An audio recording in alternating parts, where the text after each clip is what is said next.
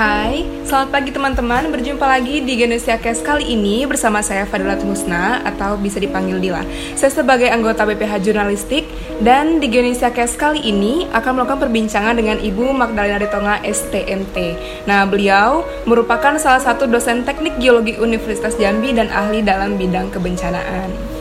Oke, di Indonesia Cast kali ini akan membahas seputar banjir di Jakarta. Nah, kalau udah dengar yang namanya Jakarta, ibu kota Indonesia, itu pasti udah langsung terbesit banjir gitu. Jadi beberapa waktu yang lalu, tepatnya di awal pembukaan tahun 2020, di bulan Januari, Jakarta mengalami musibah banjir, di mana menurut Badan Meteorologi Klimatologi dan Geofisika atau BMKG menyebutkan curah hujan yang terjadi di Jabodetabek pada awal tahun 2020 merupakan yang paling ekstrim sepanjang sejarah. Curah hujan ekstrim tersebut lebih tinggi dan lebih luas daripada kejadian banjir sebelumnya termasuk banjir Jakarta 2007 dan 2015 tahun lalu. Nah, kali ini langsung aja kita bakal bahas dengan salah satu narasumber kita ada Ibu Magdalena Tonga. Selamat pagi, Ibu. Pagi, pagi. Oke, jadi ini kan Bu, berita-beritanya itu hmm. dengar-dengar isu tentang uh, banjir di Jakarta, bahkan kan Jakarta sebagai ibu kota uh, Indonesia gitu. Hmm. Otomatis penduduknya semakin lama semakin padat. Nah, salah satu dampak uh, tersebut itu adanya banjir nih di Jakarta. Hmm jadi kita bakal bahas di sini sebenarnya penyebab utama banjir di Jakarta itu apa dari sisi uh, geologi dari sudut pandangnya itu apa? Uh, sebenarnya gini ya, uh, kalau kita lihat dari versi topografi ya, kalau kita kan geologi dari topografi morfologinya dulu awalnya. Nah, kalau dari topografi Jakarta itu merupakan daerah rendahan sebenarnya. Kalau kita bicara daerah rendahan yang ada batasan langsung sama permukaan laut, biasanya itu akan rentan. Kenapa rentan? Yang pertama dia akan rentan terhadap genangan. Nah, yang kedua dia akan rentan ketika kita bicara soal si loss atau run, run off-nya air tersebut. Nah, yang ketiga kalau Jakarta itu memang daerahnya rendahan, maka akan selalu datang banjir kiriman gitu loh. E, kalau kita lihat secara geologi di posisi selatan Jakarta, posisi barat Jakarta itu merupakan daerah-daerah tinggian. Biasanya daerah-daerah tinggian itu yang akan mengirimkan banjir kiriman. Ini yang biasanya dibilang sama orang umum tuh banjir kiriman atau banjir musiman.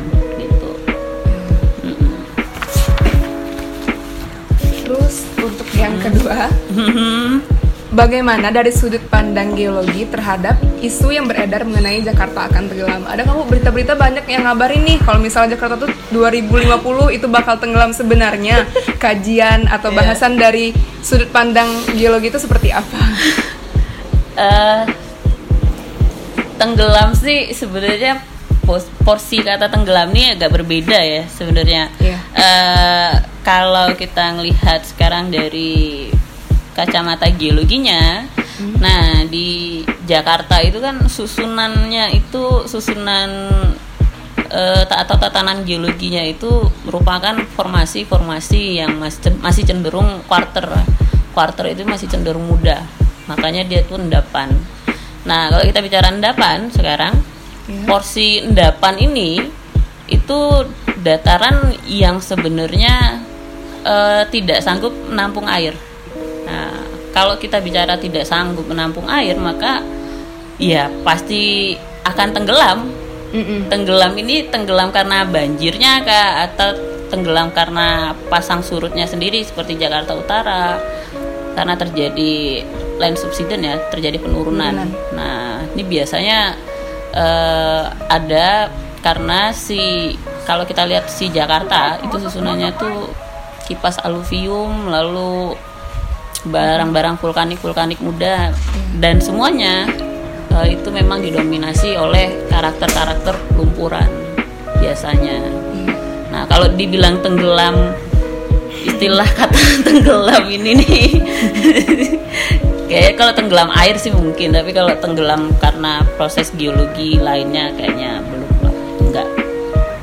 Gitu. Terus untuk uh, pengaruh banjir sendiri terhadap hmm. kekuatan tanah hmm. atau ke ketersediaan air itu gimana? Secara kan yang kita tahu Jakarta selama ini lebih seringnya dengan mengambil jalan pintas dengan mengambil air tanah. Padahal hmm. dalam pengelolaan dan konservasi air yang benar itu memanfaatkan air permukaan harus lebih didahulukan ketimbang air tanah. Artinya air tanah boleh diambil apabila air permukaannya memang sudah tidak ada lagi. Hmm. Tapi di sini kebalikannya, hmm. malah Jakarta memanfaatkan si air tanah hmm. dibanding air permukaan itu bagaimana bu? Uh, jadi kita ngebahas Jakarta dari sudut pandang geologi ini sebenarnya agak unik gitu. Iya. jadi gini, uh, gini, kalau kita bicara versi untuk satuan batuan vulkanik versi untuk satuan batuan vulkanik itu rata-rata mereka yeah. cenderung meloskan. Nah, kata cenderung meloskan ini uh, tidak ada menyimpan. Menyimpan itu hanya setempat-setempat. Nah, makanya Jakarta ini agak unik sedikit untuk aquifernya, gitu hmm. loh. Karena uh, bentuk topografinya, lalu kejadian masa lampaunya dia adalah proses dari kipas aluvial merupakan dataran dari si batas antara uh, transisi dan muara jadi dataran pantai Jakarta masa purba itu ya Jakarta saat ini nah itu tuh yeah. kalau bisa kita bilang secara hidrogeologinya tatanannya mm-hmm. ya itu rata-rata los semua gak ada untuk penyimpanan nah celakanya memang sebenarnya ketika kita bicara aquifer di sini aquifer Jakarta sendiri itu ada sekitar di kedalaman sekitar 40 sampai 140 meter. Hmm. Nah, kalau kita bicara karakter aquifernya Jakarta, uh, lalu tingkat pemakaiannya yang ibaratnya memang sangat uh, di luar ya, sebenarnya sangat di luar batas karena penyedotan Nah, karena penyodotan ini yang biasanya nanti akan mengakibatkan uh, kekosongan di bawah permukaan. Nah, ini yang biasanya akan sering nanti kita akan lihat uh, land subsidence atau amblesan-amblesan setempat. Biasanya kayak gitu itu karakternya. Terutama kalau kita lihat sekarang nih yang perubahan yang paling signifikan itu sekitar daerah-daerah Jakarta Utara lah, Tangerang ke sana, Tanjung Priuk dan kawan-kawannya itu biasanya akan kelihatan bahwa ketika pasang ketika pasang naik uh, ketika kita bicara pasang surut permukaan laut itu akan kelihatan. Nah, posisi uh, rumah-rumah yang di sana juga akan kelihatan bahwa uh, kadang itu ya jalan itu lebih tinggi dari posisi rumah. Nah, itu udah sebenarnya udah mengindikasi bahwa memang terjadi penurunan permukaan permukaan tanah. Kalau yang ke arah si apa si Depok atau apa daerah-daerah itu mem memang agak-agak tinggian. Tapi untuk zona-zona air tanahnya juga termasuk dangkal sih sebenarnya. Kalau zona air tanah yang agak di Depok itu termasuk dangkal. Nah itu nggak masalah. Tapi kalau udah ke daerah-daerah Jakarta Pusat lalu Jakarta Utara nah itu yang agak masalah air tanah sendiri sebenarnya gitu terus uh, kan ini ada mm-hmm. Kalimantan Timur ya bu ya mm-hmm. sebagai calon ibu kota baru di Indonesia yeah. nah secara sisi uh, sudut pandang mm. geologinya layak atau tidak menggantikan Jakarta sebagai ibu kota. Nah dari sisi hmm. bencana geologi terutama uh, banjirnya nih, karena kita sekarang lagi bahas banjir, itu gimana? uh, perlu uh, di sini tuh kita kalau apa ya perlu kita ketahui bahwa Indonesia itu karena tatanan geologinya lalu bentukan kepulauannya uh, otomatis dia nggak akan lepas dari bencana. Itu dulu. Iya. dia otomatis nggak akan pernah lepas dari bencana. Nah statement nggak akan lepas dari bencana ini banyak macamnya apakah memang bencana geologi sendiri berupa gempa dan kawan lainnya atau bencana yang memang siklus bencana siklus ini atau bencana musiman ya kayak banjir dan kawan-kawan biasanya banjir ya terutama nah Kalimantan timur tempat kita mau jadi ibu kota ini yeah. Iya. uh, kalau nggak salah sih kemarin itu ada sempet uh, sudah di ini ya sudah kalau kalau nggak salah itu sudah sempet uh, scoring scoring kebencanaan di situ hmm. sudah sempet kayaknya kalau memang itu fix berarti uh, mereka punya scoring yang bagus untuk risiko risiko bencananya sangat kecil gitu uh, dari tatanan geologinya yang tempat kita mau jadi ibu kota saat ini hmm. itu memang masih uh, minim atau masih sedikit risiko untuk terjadi bencana geologi.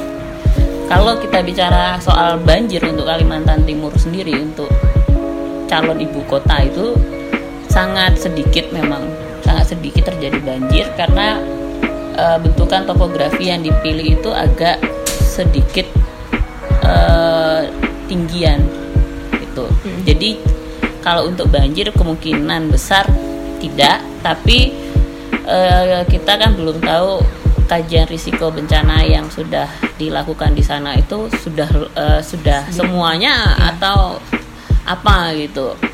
Ya pelajaran juga sih bagi kita kalau lihat Jakarta sebenarnya karena agak disayangkan uh, ibu kota negara wajah satu negara langganan jadi tampungan iya. kan? Gitu loh. Ya gitu kalau untuk banjir kayaknya minimal uh, risikonya sangat sedikit kalau untuk ibu kota yang calon ibu kota sekarang hmm.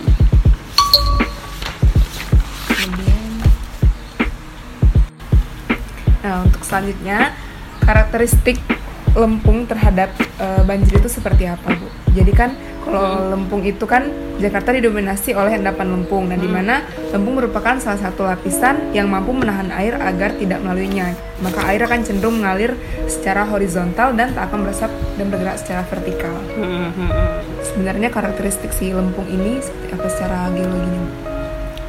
Uh, sebenarnya bukan karakteristik lempungnya sih ya. Yeah. Uh, jadi gini, kalau kita bicara tentang Jakarta gitu uh, Jakarta itu dia tersusun hampir setengah dari Jakarta itu merupakan garis pantai purba. Nah, kalau kita bicara pantai purba, karakter pantai purba itu dia lebih cenderung kesil, memang uh, kelempungan gitu. Nah, lempungan karakter lempung itu sendiri kalau kita bicara karakter pantai itu cenderung berlumpur gitu loh. Kalau berlumpur uh, otomatis ya itu melos kan karena kan imper ya nah yeah. jadi kalau kita bicara soal karakter lempung dari karakter litologinya Jakarta sebenarnya lebih tepatnya itu karena dia itu tersusun oleh kipas aluvial maka material-material yang ada di sana uh, itu masih berupa endapan. Nah, endapan-endapan ini itu lebih banyak didominasi oleh endapan lumpur gitu. Jadi ya makanya kenapa hanya bersifat meloskan, tidak bisa e, menyerap atau menampung, hanya bersifat meloskan aja gitu. Kemudian untuk e, mitigasi atau penanganan terhadap banjir di hmm. Jakarta ini hmm. seperti apa Bu yang sudah mungkin dilakukan pemerintah untuk hmm. menanggulangi Jakarta kan banjir terus banjir terus yeah. sudah lima jam aja hujan udah banjir udah banyak kenangan itu gimana sebenarnya? Uh, kalau kita bicara soal uh, banjir sendiri sebenarnya ya hmm. itu sejak zaman Belanda kita tahu bahwa uh, sistem penanganan mereka adalah membuat tunnel-tunnel gitu. Hmm. Jadi tunnel-tunnel ini yang mengarahin nanti ke waduk-waduk atau kanal-kanal. Ini dari zaman Belanda kayak kanal banjir timur, kanal banjir barat. Nah, itu udah dari zaman Belanda sudah ada antisipasi sebenarnya ketika banjir datang. Nah, uh, untuk penanganan Jakarta saat ini sampai sekarang itu hanya mengandalkan dua kanal ini aja. Itu kan agak kurang kurang pas ya. Karena hmm. uh, mengingat Jakarta sendiri itu kalau kita lihat uh, muara muara muara sungai yang ada di Jakarta atau yang melewati Jakarta sendiri itu ada sekitaran berapa? 3 5 10 8 ada sekitar 13 sungai yang melewati Jakarta. Atau yang masuk ke area Jakarta. Dari CAT Serang Tangerang itu ada tiga hulu sungai. Sedangkan dari arah selatan dekat Depok itu dari Depok ada sekitar 5 5 hulu sungai. Sedangkan kalau dari arah Bekasi ada 5 hulu sungai besar uh, batas antara uh, CAT Bekasi sama Jakarta. Nah ini supportnya masuk semua nih ke Jakarta. Nggak ada nggak ada nggak ada treatment untuk uh, debit. Batasan debit batasan bawah debit berapa batasan atas atau ketika meluap berapa. Hanya masuk ke dua kanal tersebut. Hanya mengandalkan dua kanal lalu sistem pompa itu agak kurang kurang kurang ini sebenarnya kurang uh, kurang kurang efisien sebenarnya. Sebenarnya ya bukan kurang efisien lagi tidak sangat sangat tidak efisien. Kalau kita bicara penanganannya gimana maka kita harus melihat hulu-hulu sungai tersebut lalu daerah-daerah yang dilewatinya itu cenderung litologinya apa. Contohnya kalau misalnya kita dari Serang atau Tangerang gitu kan. Itu kan udah CAT Serang sampai Tangerang. Kalau CAT Serang itu kita harus lihat litologi pendukungnya apa. Lalu nanti kita harus pakai uh, konservasi yang seperti apa untuk si akuifernya sendiri. Di Bekasi gitu juga. Karena untuk Bekasi sendiri itu lima hulu sungai besar itu bisa kita lihat uh, hulunya itu ada dari Gunung Pangrango lalu Gunung Gede. Lalu ada dua CAT besar di Bekasi lalu untuk Jakarta sendiri ada empat tipe aquifer sendiri. Tapi empat tipe aquifer ini sama-sama tertekan. Jadi saya rasa sih agak-agak agak kurang efisien ketika hanya penanganannya di Jakarta aja itu agak kurang efisien. Karena kalau di Jakarta aja sistemnya hanya pompa uh, nggak bisa injek lagi karena itu hanya daerah loss air gitu selain untuk uh, uh, membangun dengan hmm. tersebut bu hmm. mungkin kalau misalnya waduk hmm. itu gimana bu terhadap banjir kan waduk kan juga dibuat nih di yeah. Jakarta ha. untuk penampungan waduk sendiri apakah dia masih bisa hmm. uh, menampung tapi kalau masih bisa kenapa tetap terjadi banjir seperti itu uh, waduk itu sama seperti kanal ya. Dia posisinya adalah uh, menampung debit fungsinya adalah menampung debit jadi kalau kita lihat uh, adanya pembangunan-pembangunan waduk itu gunanya ketika Jakarta dapat debit air berlebih dari uh, sekitarnya sekitar Bekasi atau Serang, uh, Banten atau maupun Bogor maka akan dialihkan ke waduk-waduk tersebut gitu. Nah posisinya ini kan uh, Jakarta itu ada sekitar 13 sungai tadi lalu dia masuk ke dua CAT besar dua batasan CAT besar CAT Karawang Bekasi lalu CAT Serang Tangerang tapi yang lebih riskan itu Karawang Bekasi karena batasan batas cekungan air tanah antara Jakarta sama Bekasi itu dilalui oleh lima sungai besar. Nah, ini penanganan yang kalau kita lihat nanti dari peta rawan banjirnya pasti yang akan selalu kena itu Bekasi lalu Jakarta eh, pusat Jakarta Timur lalu Jakarta Utara. Depoknya biasanya sih cenderung agak aman karena Depok agak tinggian yeah. dikit gitu loh. Nah kalau untuk penanganannya sendiri sebenarnya eh, kita coba bis kita bisa buat kayak konservasi sebenarnya. Konservasi air tanah uh, itu masuk ke konservasi air tanah.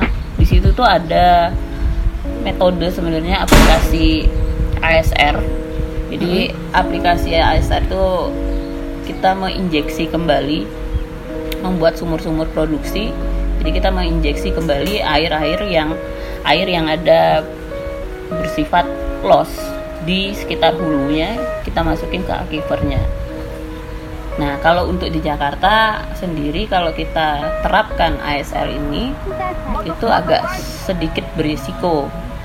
Karena terutama itu Jakarta Pusat ya, Jakarta Pusat sampai Jakarta Utara itu agak berisiko. Eh, MAT-nya muka air tanah di sekitar Jakarta Pusat sama Jakarta Utara itu lumayan dalam itu sekitar 100 meteran ada dia di 50 sampai 140 meter biasanya uh, tapi litologi atau batuan pendukungnya ini untuk injeksi itu uh, agak kurang kurang pas. Kenapa kurang pas? Uh, karena ya tadi dia tersusun oleh endapan. Dia masih endapan.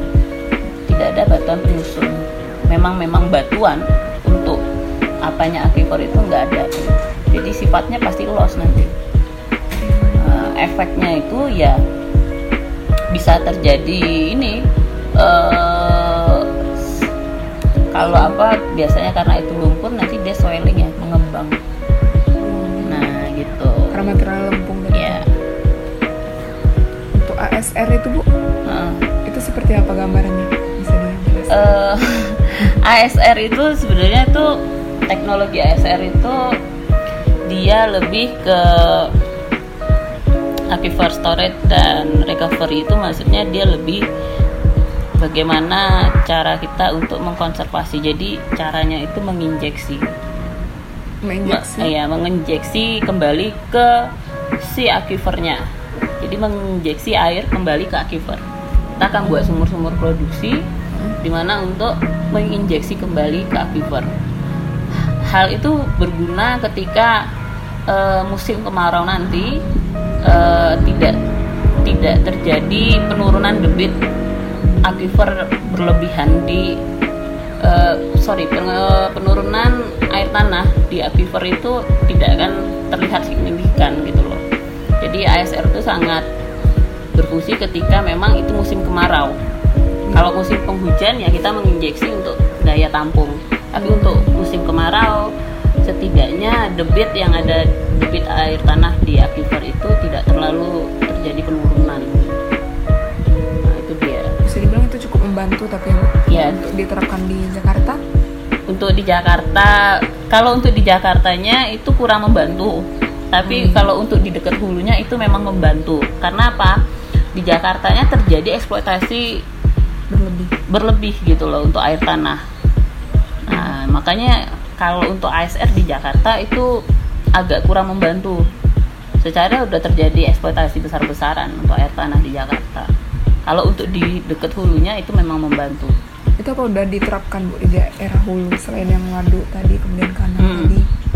Uh, itu agak kurang ini juga ya. Saya agak kurang tahu apakah memang sudah di sudah ada atau belum tapi biasanya sih sudah ada sekitaran pasti sekitaran hulu itu biasanya sudah ada. Uh, kalau untuk metode-metode ASR itu. Kalau untuk Jakarta sendiri saya kurang tahu juga apakah memang sudah memperlakukan atau belum tapi sebenarnya penanganan yang agak-agak bisa kita buat dalam waktu cepat mungkin yaitu kita harus kembali meng mengembalikan posisi sungai. Mengembalikan posisi sungai ini maksudnya begini uh, lebaran sungai lalu uh, kedalaman sungai itu sangat mempengaruhi untuk daya tampung air. Untuk daya tampung ketika debit masuk berlebihan dia sanggup atau tidak menampung. Nah ini dia. Kita kembalikan memang ya sungai ini ketika kita bicara sungai itu memang dulunya lebar 8 meter lalu kita persempit karena perumahan atau rumah-rumah apa jadi 3 meter maka 5 meternya yang harusnya 5 meter lalu kedalamannya berapa meter itu sangat mempengaruhi. Untuk daya tampung volume air itu sangat mempengaruhi sekali gitu. kita kembali melihat sungai-sungainya.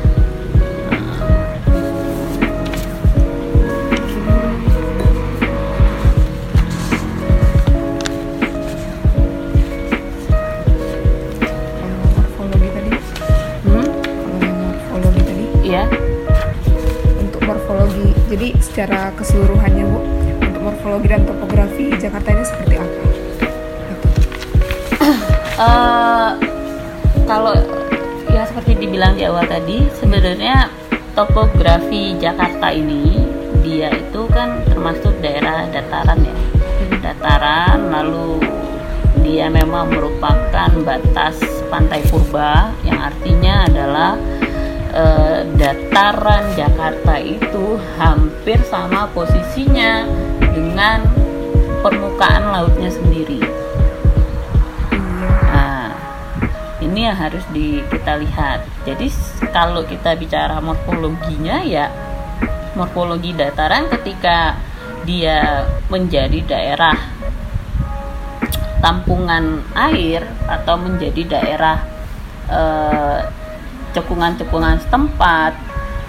Lalu ketika pasang air pasang dia akan tetap terkena. Ya itu hal yang wajar karena dari daerah dataran gitu loh. Nah secara topografinya ya permukaan Jakarta itu hampir sama dengan permukaan air lautnya. Jadi ketika pasang naik ya dia kena. Ketika banjir atau debit air berlebihan dia dia kena gitu. Uh -uh karena topografinya yang datar tadi ya kalau kita bicara morfologinya ya pasti itu merupakan morfologi pantai biasanya gitu, gitu. mungkin uh, ya. cukup segitu dulu bu diskusi kita ya. kali ini semoga juga Terima kasih juga untuk kesempatannya Ibu bisa bincang-bincang diskusi sedikit uh, tentang banjir yang di Jakarta. Semoga juga bermanfaat. Ini untuk teman-teman semuanya bisa menambah wawasan teman-teman semuanya. Saya Ferda Tulusna. Terima kasih. Nah, itu tadi beberapa penjelasan mengenai banjir di Jakarta. Tadi Bu Lena juga udah menjelaskan apa sih sebenarnya penyebab banjir di Jakarta menurut sudut pandang geologi, kemudian pengaruh banjir terhadap ketersediaan air tanah, kemudian mitigasi atau penanganannya itu seperti apa sih? Semoga bisa menambah wawasan serta pengetahuan teman-teman semuanya. Sampai jumpa di Genesia selanjutnya. Saya Fadila Husna. Terima kasih.